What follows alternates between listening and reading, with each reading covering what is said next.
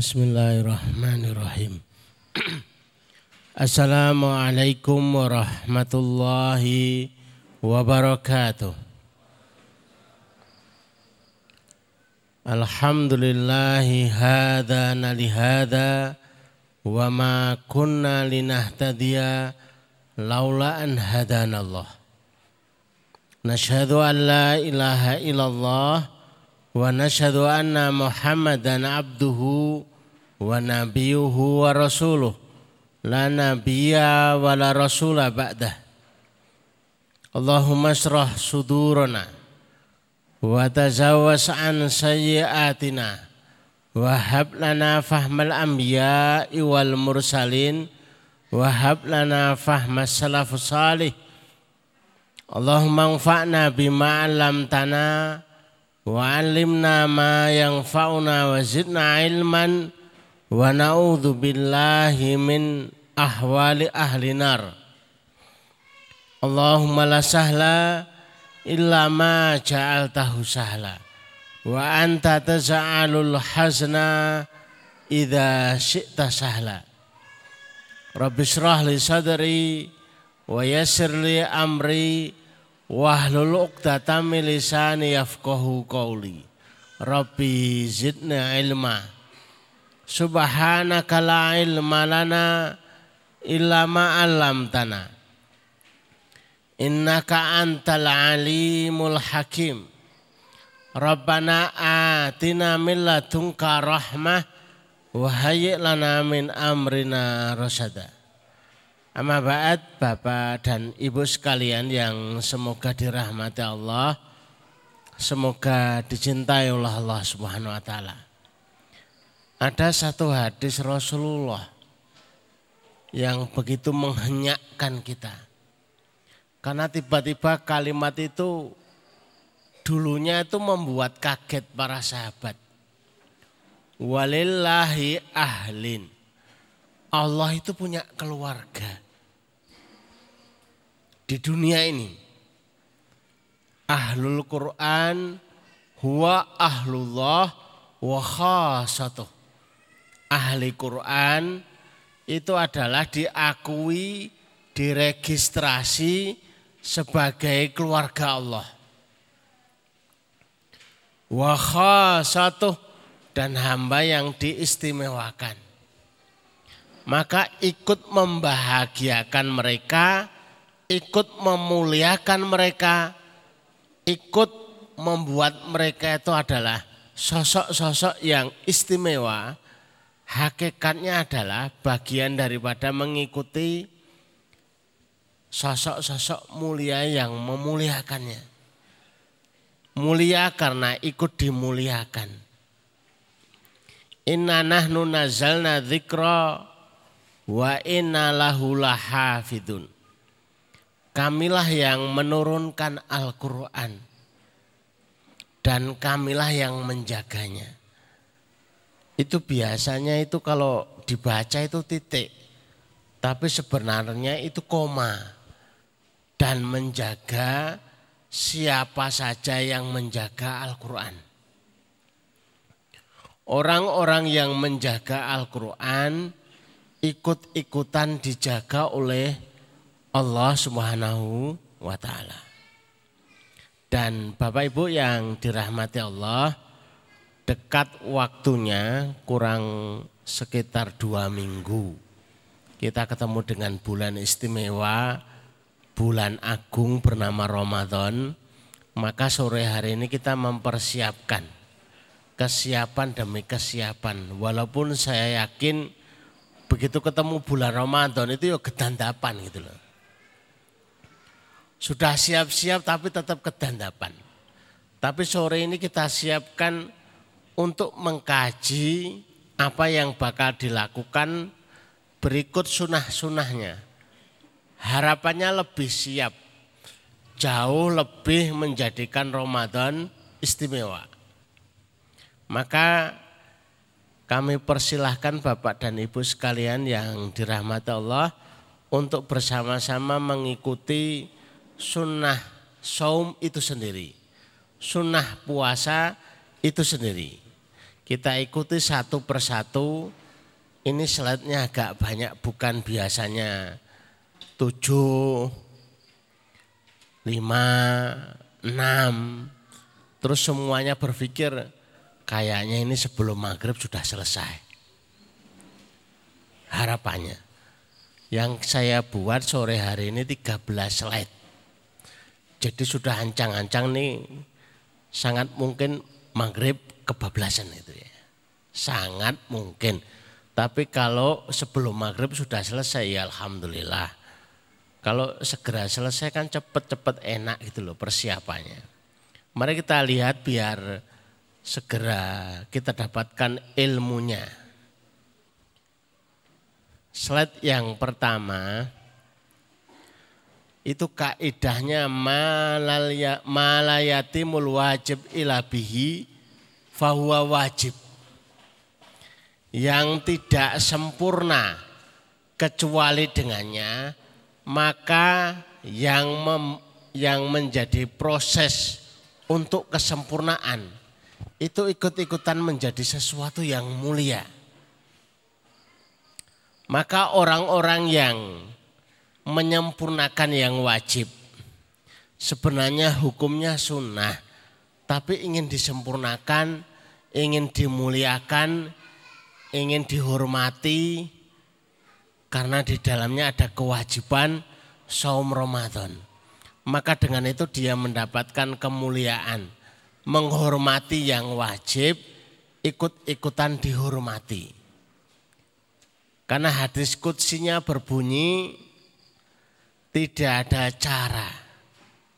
Wa ma taqarraba ilayya abdi bisyai'in ahabu ilaya mimma iftaratu alaih.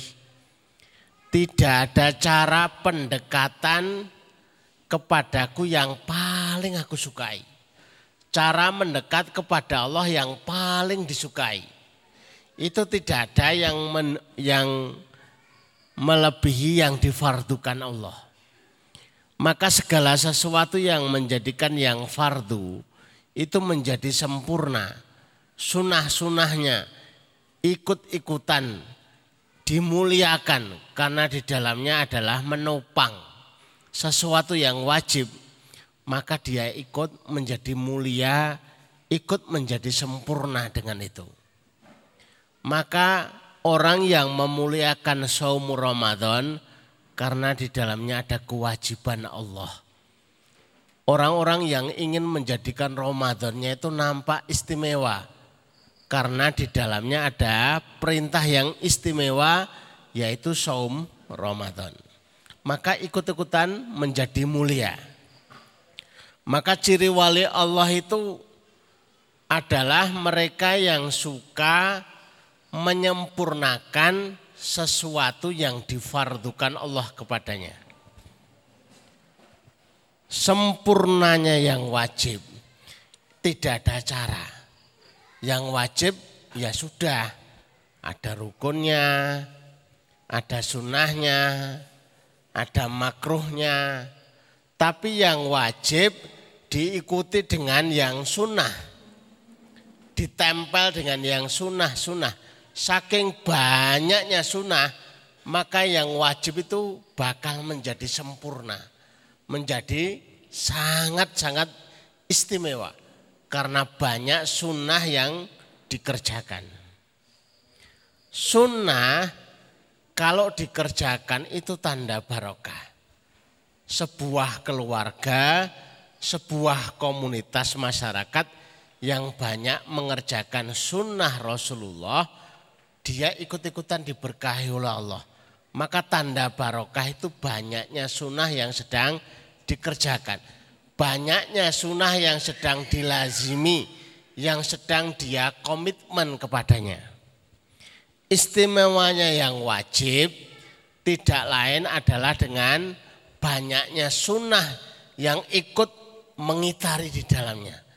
Ikut menyempurnakan. Yang wajib ikut sempurna dengan sunnah-sunnah yang mengitarinya.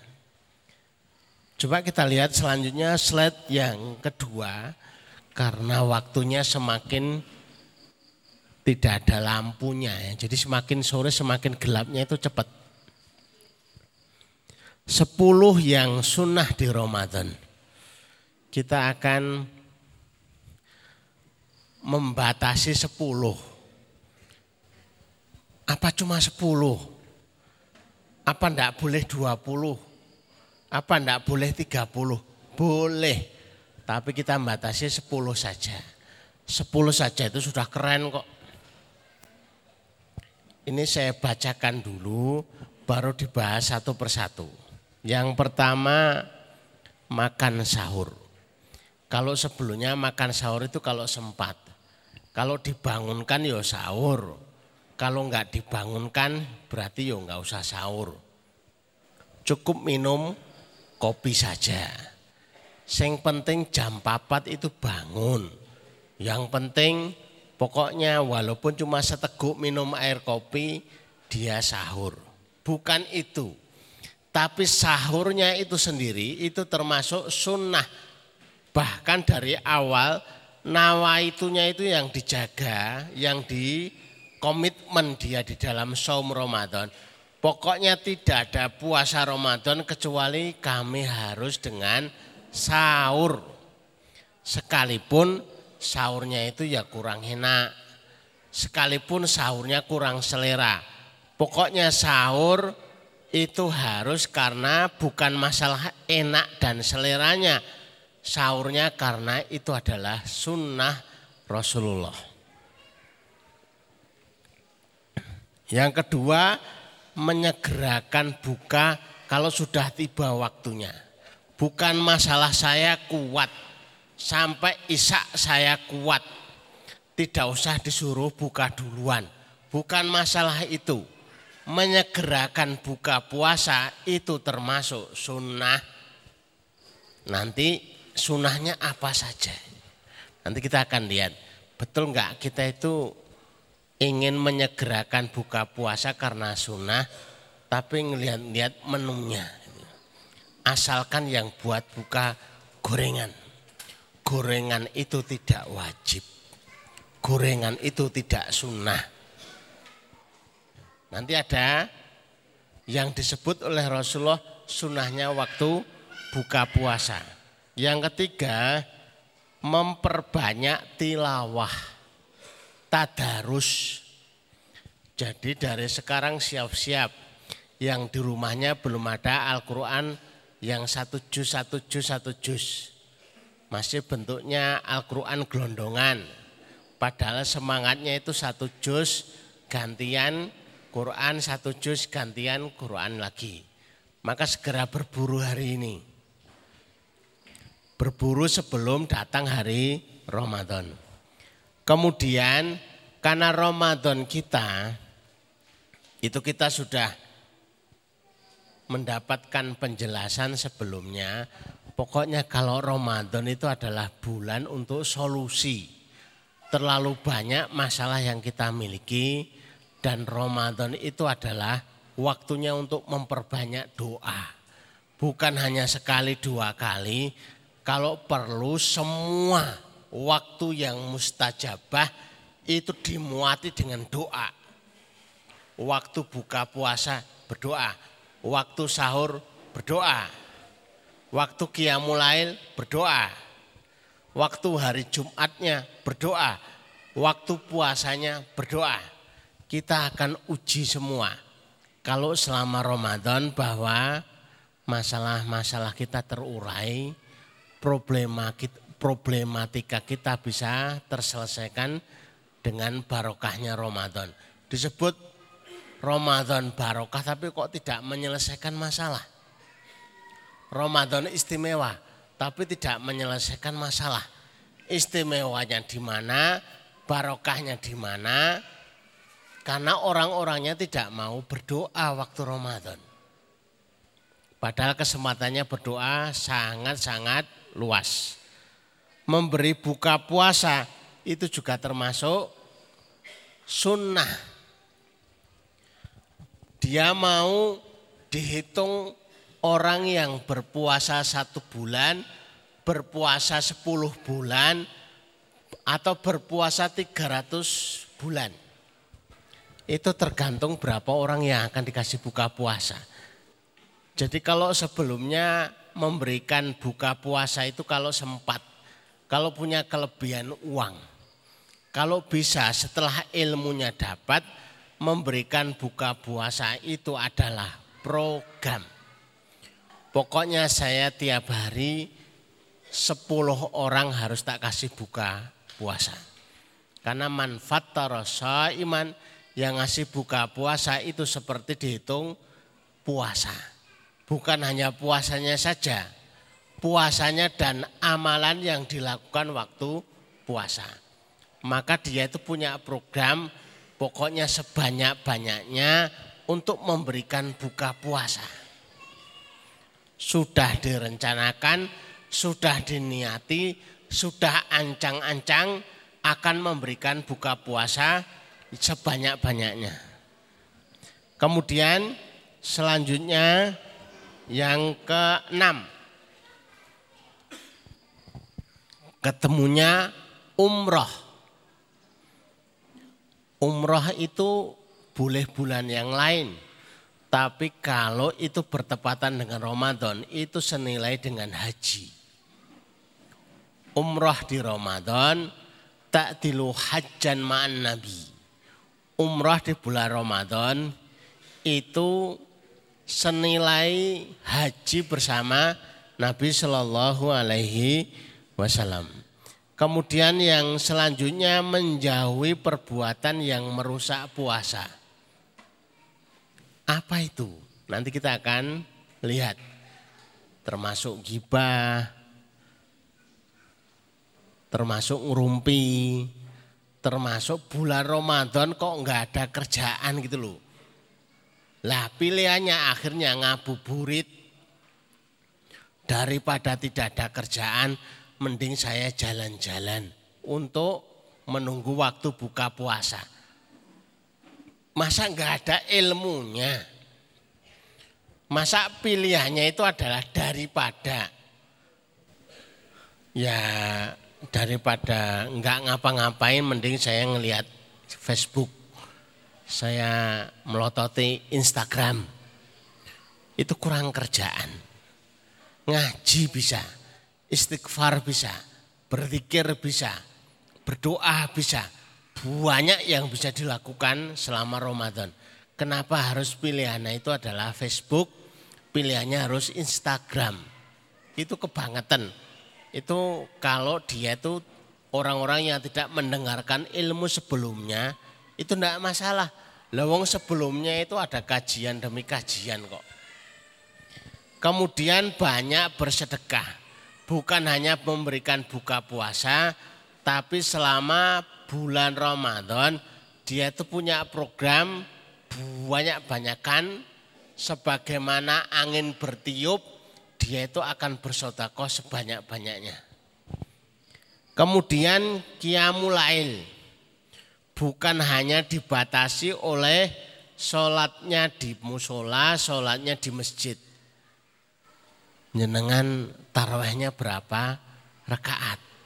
Saya delapan aja. Lah kenapa?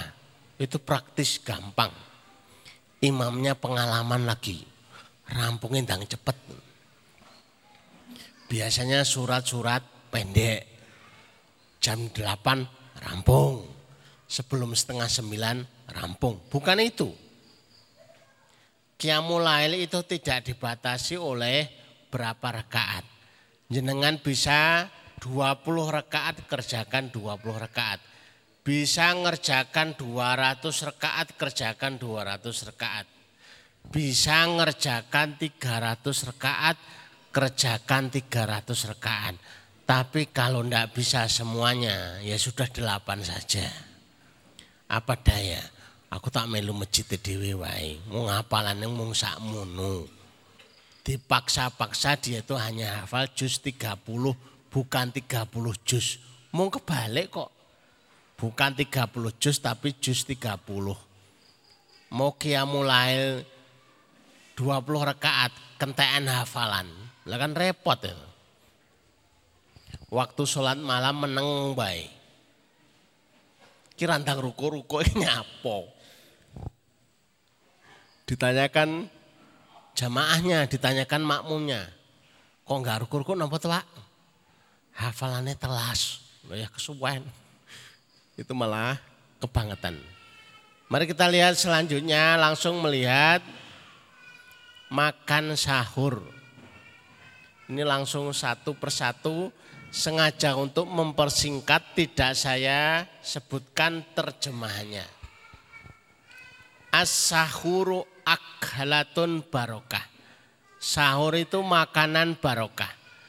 Kalau dengan duduk kurang jelas saya berdiri dulu. Fala tada'uhu. Sahur itu makanan barokah. Maka jangan sekali-kali tinggalkan walaupun tanpa sahur kuat. Tidurnya jam 1, tidurnya jam 12. Lah sebelum tidur dia itu ngemil, kayaknya nggak perlu sahur. Tetaplah sahur jam berapapun, pokoknya niatkan nawaitukan untuk sahur karena sahur itu adalah disebut oleh Rasulullah sebagai akhalatun barokah. Fala tada'uhu walau ana yazra'u ahadukum juru'atan. Walaupun salah seorang di antara kalian itu hanya seteguk minuman. Walaupun cuma sesuap makanan yang diniati untuk sahur, maka lakukan itu. Fa inna Allah azza wa jalla wa malaikatahu yusalluna alal mutasakhirin. Allah Ta'ala dan para malaikat itu mendoakan mereka yang makan sahur. Kan enak. Makan kuat puasa terus kemudian menunggu pahala daripada makan nggak berpahala, makan yang tidak ada tujuannya, makan yang tidak ada arahnya, makanlah sahur. Kalau perlu makan yang banyak. Karena ini adalah aklatun barokah, maka dia makannya yang banyak, sahurnya yang banyak. Saya mengikuti apa yang dilakukan oleh Al-Imam Syafi'i rahimahullah ta'ala. Al-Imam Syafi'i rahimahullah ta'ala itu waktu berkunjung di rumahnya Imam Malik itu dia dalam pengawasan putrinya itu makannya banyak, darnya banyak. Sehingga dikomplain, imam kok makannya banyak. Jenengan itu kan imam, darnya jangan banyak-banyak, nanti akan merusak citranya gitu loh. Maka jawabannya adalah, bapakmu itu rezekinya jelas-jelas halal.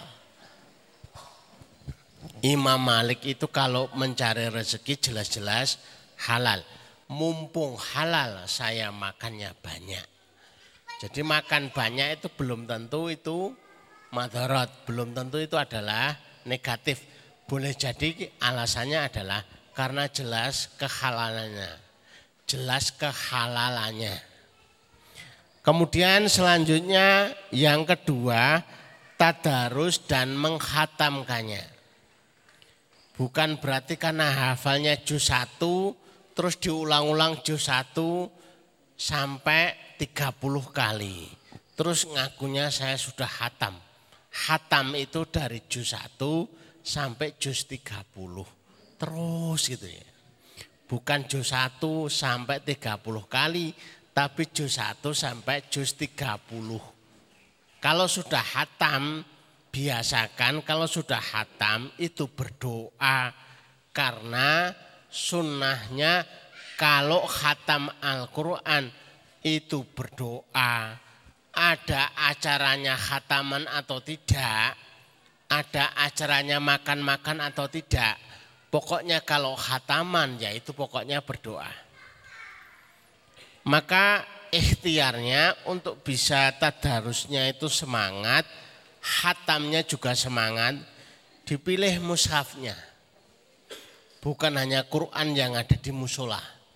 Sudah tua-tua, tulisannya wangel, diwaca malah satu-satu. Bukan satu tapi ngantuk. Tulisannya sudah lama. Hotnya sudah mulai bergeser.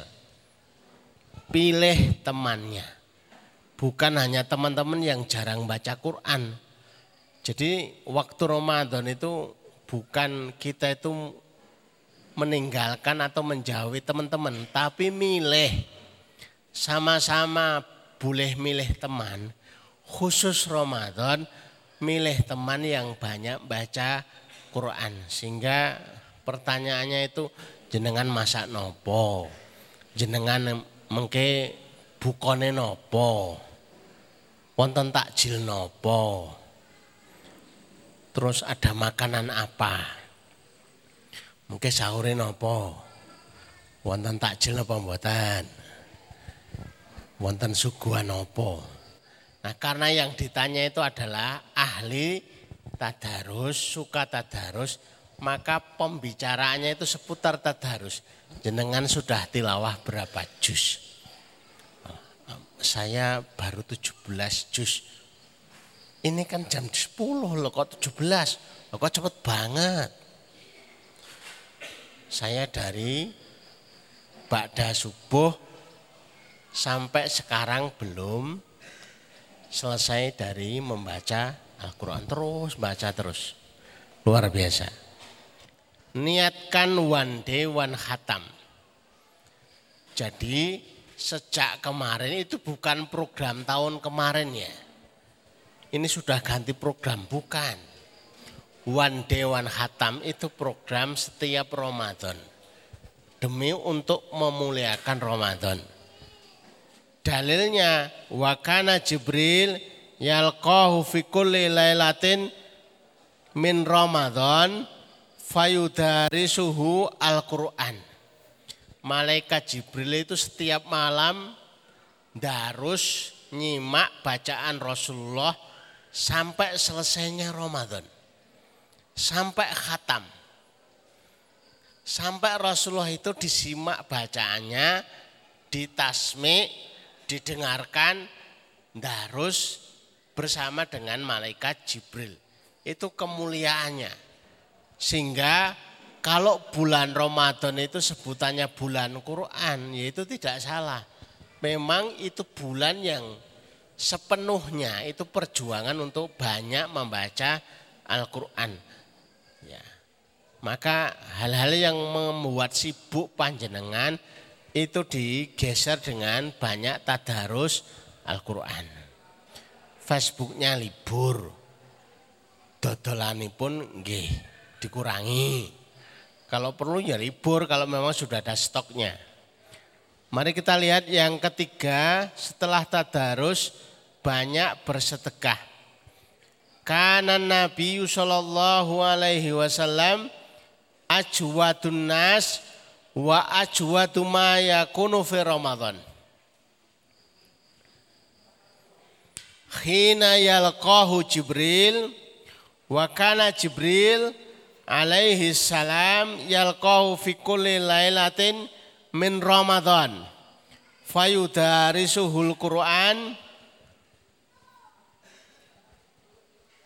Fala Rasulullah sallallahu alaihi wasallam ajwadu bil khair minarih adalah kebiasaan Rasulullah Shallallahu Alaihi Wasallam. Beliau itu orang yang paling dermawan di antara manusia. Dan kondisinya paling dermawan itu kalau pas Ramadan. Apalagi kalau dia itu sedang disimak bacaan Al-Qur'annya, semakin dia itu ajwadun nas semakin dermawan. Dermawan biasanya ini tambah-tambah semakin dermawan. Bahkan kedermawanannya melebihi angin yang bertiup. Kalau panjenengan itu ditanya deket kipas angin sama sodakoh, seneng mana? Mayoritas jawabnya adalah seneng dekat kipas angin. Kan sejuk kan jadi seger itu ya. Tapi kalau Rasulullah lebih baik senang sodakoh daripada dekat kipas angin. sodakoh itu jauh lebih disukai daripada angin yang bertiup. Sedekah subuh, sedekah Jumat, sedekah wakaf atau jariah, atau sedekah istimewa. Banyak pilihannya. Bahkan kalau sudah tahu begini, Ramadan itu diincim. Tidak nonek Ramadan. Pokoknya entek-entekan. Kita mau habis-habisan harta, mau digunakan semuanya untuk program umpan. Saya punya program umpan dan saya habiskan di Ramadan. Nanti tangkapannya adalah di Syawal. Selanjutnya Bapak Ibu masih kelihatan atau enggak? Ini pakai lampu tambahan loh ya. Tadi sudah disampaikan oleh ketua yayasan. Lampunya konslet. Jadi ya enggak nyala. Kalau dinyalakan lebih gelap karena semuanya ikut-ikutan mati. Kalau konslet itu kan satu nyala, nyala terus mati-mati semua. Maka enggak dinyalakan, tambah lebih gelap lagi. Selanjutnya adalah memberi buka yang puasa.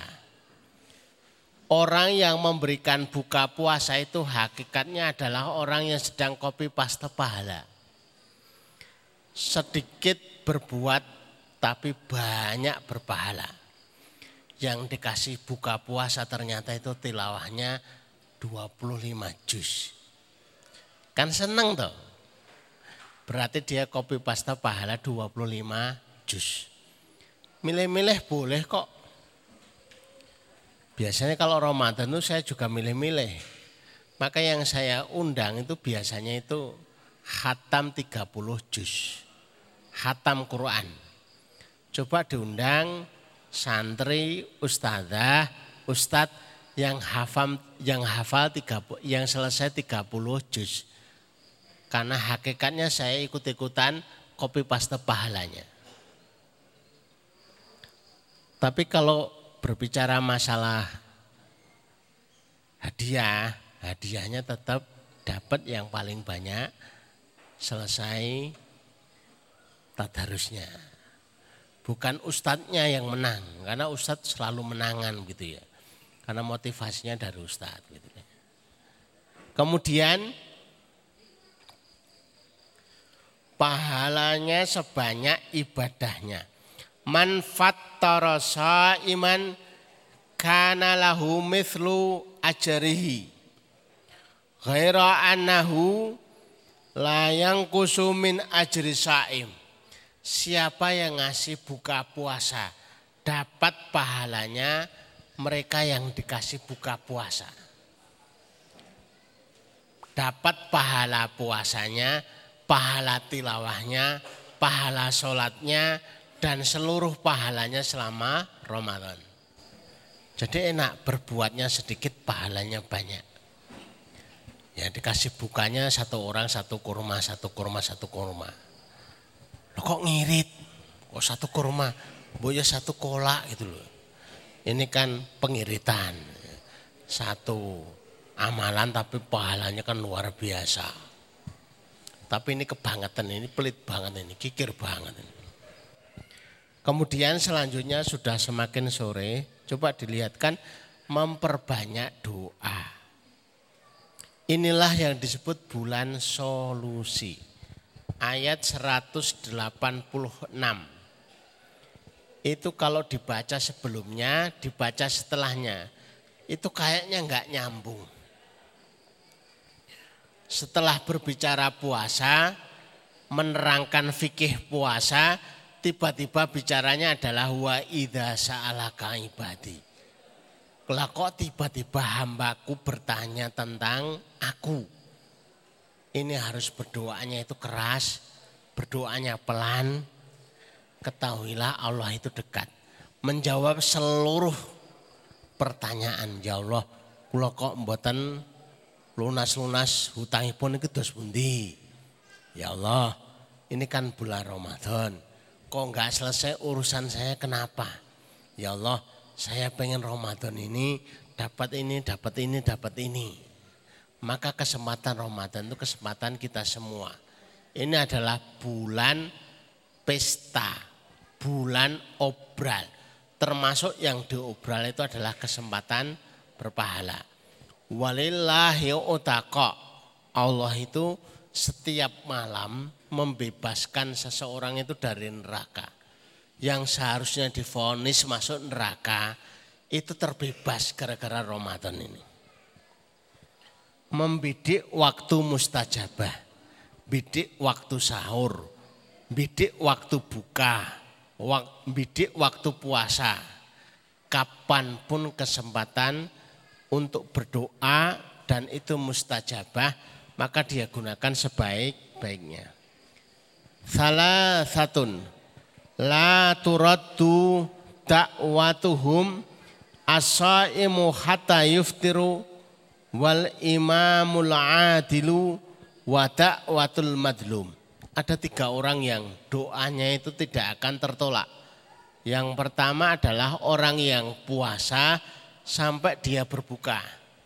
Yang kedua pemimpin yang adil. Yang ketiga orang yang sedang didolimi. Maka orang yang sedang berpuasa itu berada dalam suasana sedang berada doanya mustajab. Kalau doanya mustajab, mending kalau Ramadan itu sudah menuliskan, sudah mereka-reka berapa doa yang akan dipanjatkan sebanyak-banyaknya.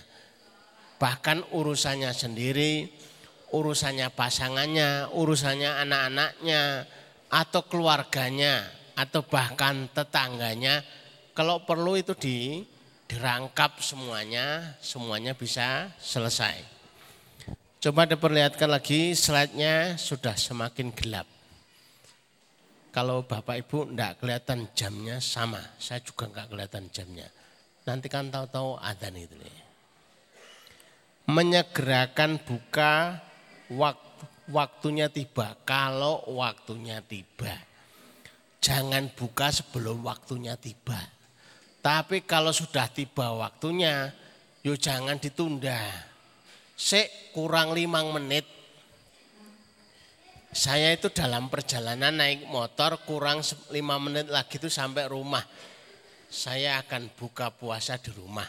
Saya akan buka puasa bersama istri tercinta, bersama keluarga. Kesuwen. Pokoknya waktu buka sudah masuk Walaupun itu kalimatnya ulama itu saking menyemangati kita. Walaupun air ludah itu dikumpulkan semuanya kemudian ditelan. Nawa itunya adalah buka puasa. Itu terhitung buka puasa. Saking pengen menyegerakan buka puasa. Kebangetan banget kan. Bawa permen ya boleh. Bawa Bingkisan juga boleh. Menyegerakan buka ketika waktunya tiba. Buka dengan azan yang biasa diikuti. Ini karena Bapak Ibu itu tidak ada kesempatan untuk bertanya. Kalau bertanya itu langsung viral di sini itu. Karena langsung disorot oleh shooting. Maka tidak ada yang bertanya. Saya tahu tidak akan ada yang bertanya. Maka daripada nanti bertanya malah viral, mending tak kasih tahu. Saya itu adanya ngikuti siapa? Jangan ngikuti orang yang latihan adzan. Repot. Adzannya yang diikuti yang biasa diikuti. Masjid yang lain sudah adzan biar saja televisi sudah adzan biar saja. Maka pakai adzan masjid atau musola yang biasa diikuti. Panjenengan maghribnya biasanya pakai masjid mana?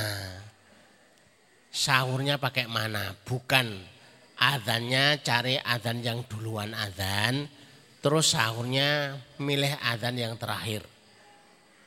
Ini curang nih. Jadi kalau buka puasa tuh milih yang duluan, kalau sahur milih yang terakhir azan. Bukanya dengan pilihan yang pertama, yang paling bagus orang yang berpuasa. Itu kalau buka itu pakai rutop. Ada yang tahu Bapak Ibu rutop itu apa? Rutop itu bahasa Arab. Kurma yang masih basah itu namanya rutop. Kurma yang masih basah. Kalau digigit itu mak gitu loh, ada ada airnya. Kalau enggak ketemu dengan rutop, maka pilihan yang kedua adalah tumur. Kurma biasa.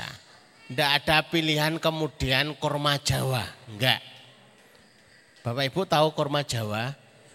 Kurma Jawa itu saya lihat di kamus itu asem. Itu malah kecut.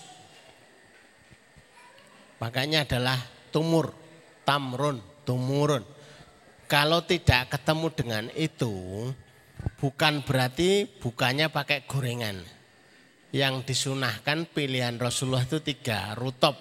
Kalau enggak ketemu rutop itu tumur. Kalau enggak ketemu tumur berarti hasa hasawati mimak. Minum satu teguk dengan air putih. Baru setelah itu gorengan, setelah itu makanan yang lain. Kita ngikuti hadis Rasulullah saja.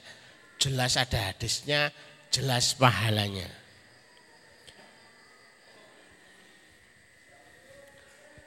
Karena ashabu Muhammad sallallahu alaihi wasallam ajalun nas iftaru wa abta'uhum sahuran.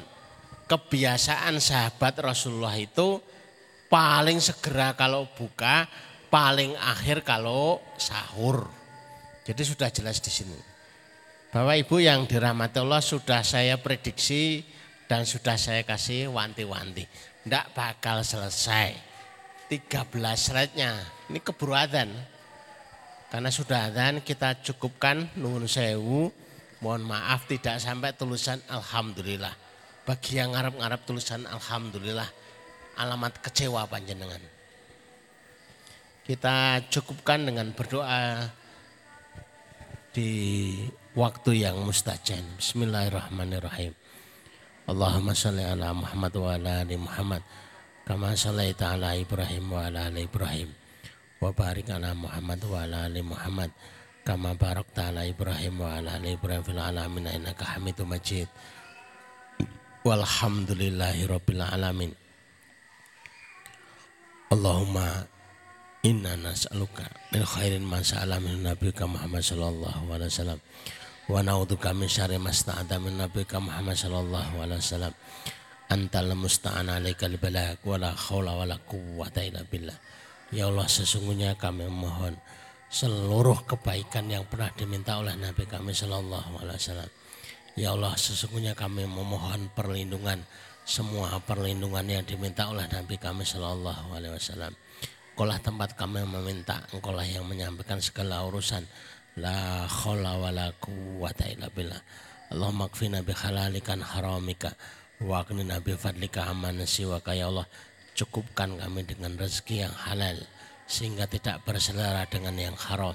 Ya Allah kayangkan kami dengan anugerahmu sehingga tidak butuh kepada selainmu ya Allah birahmatika ya arhamar rahimin.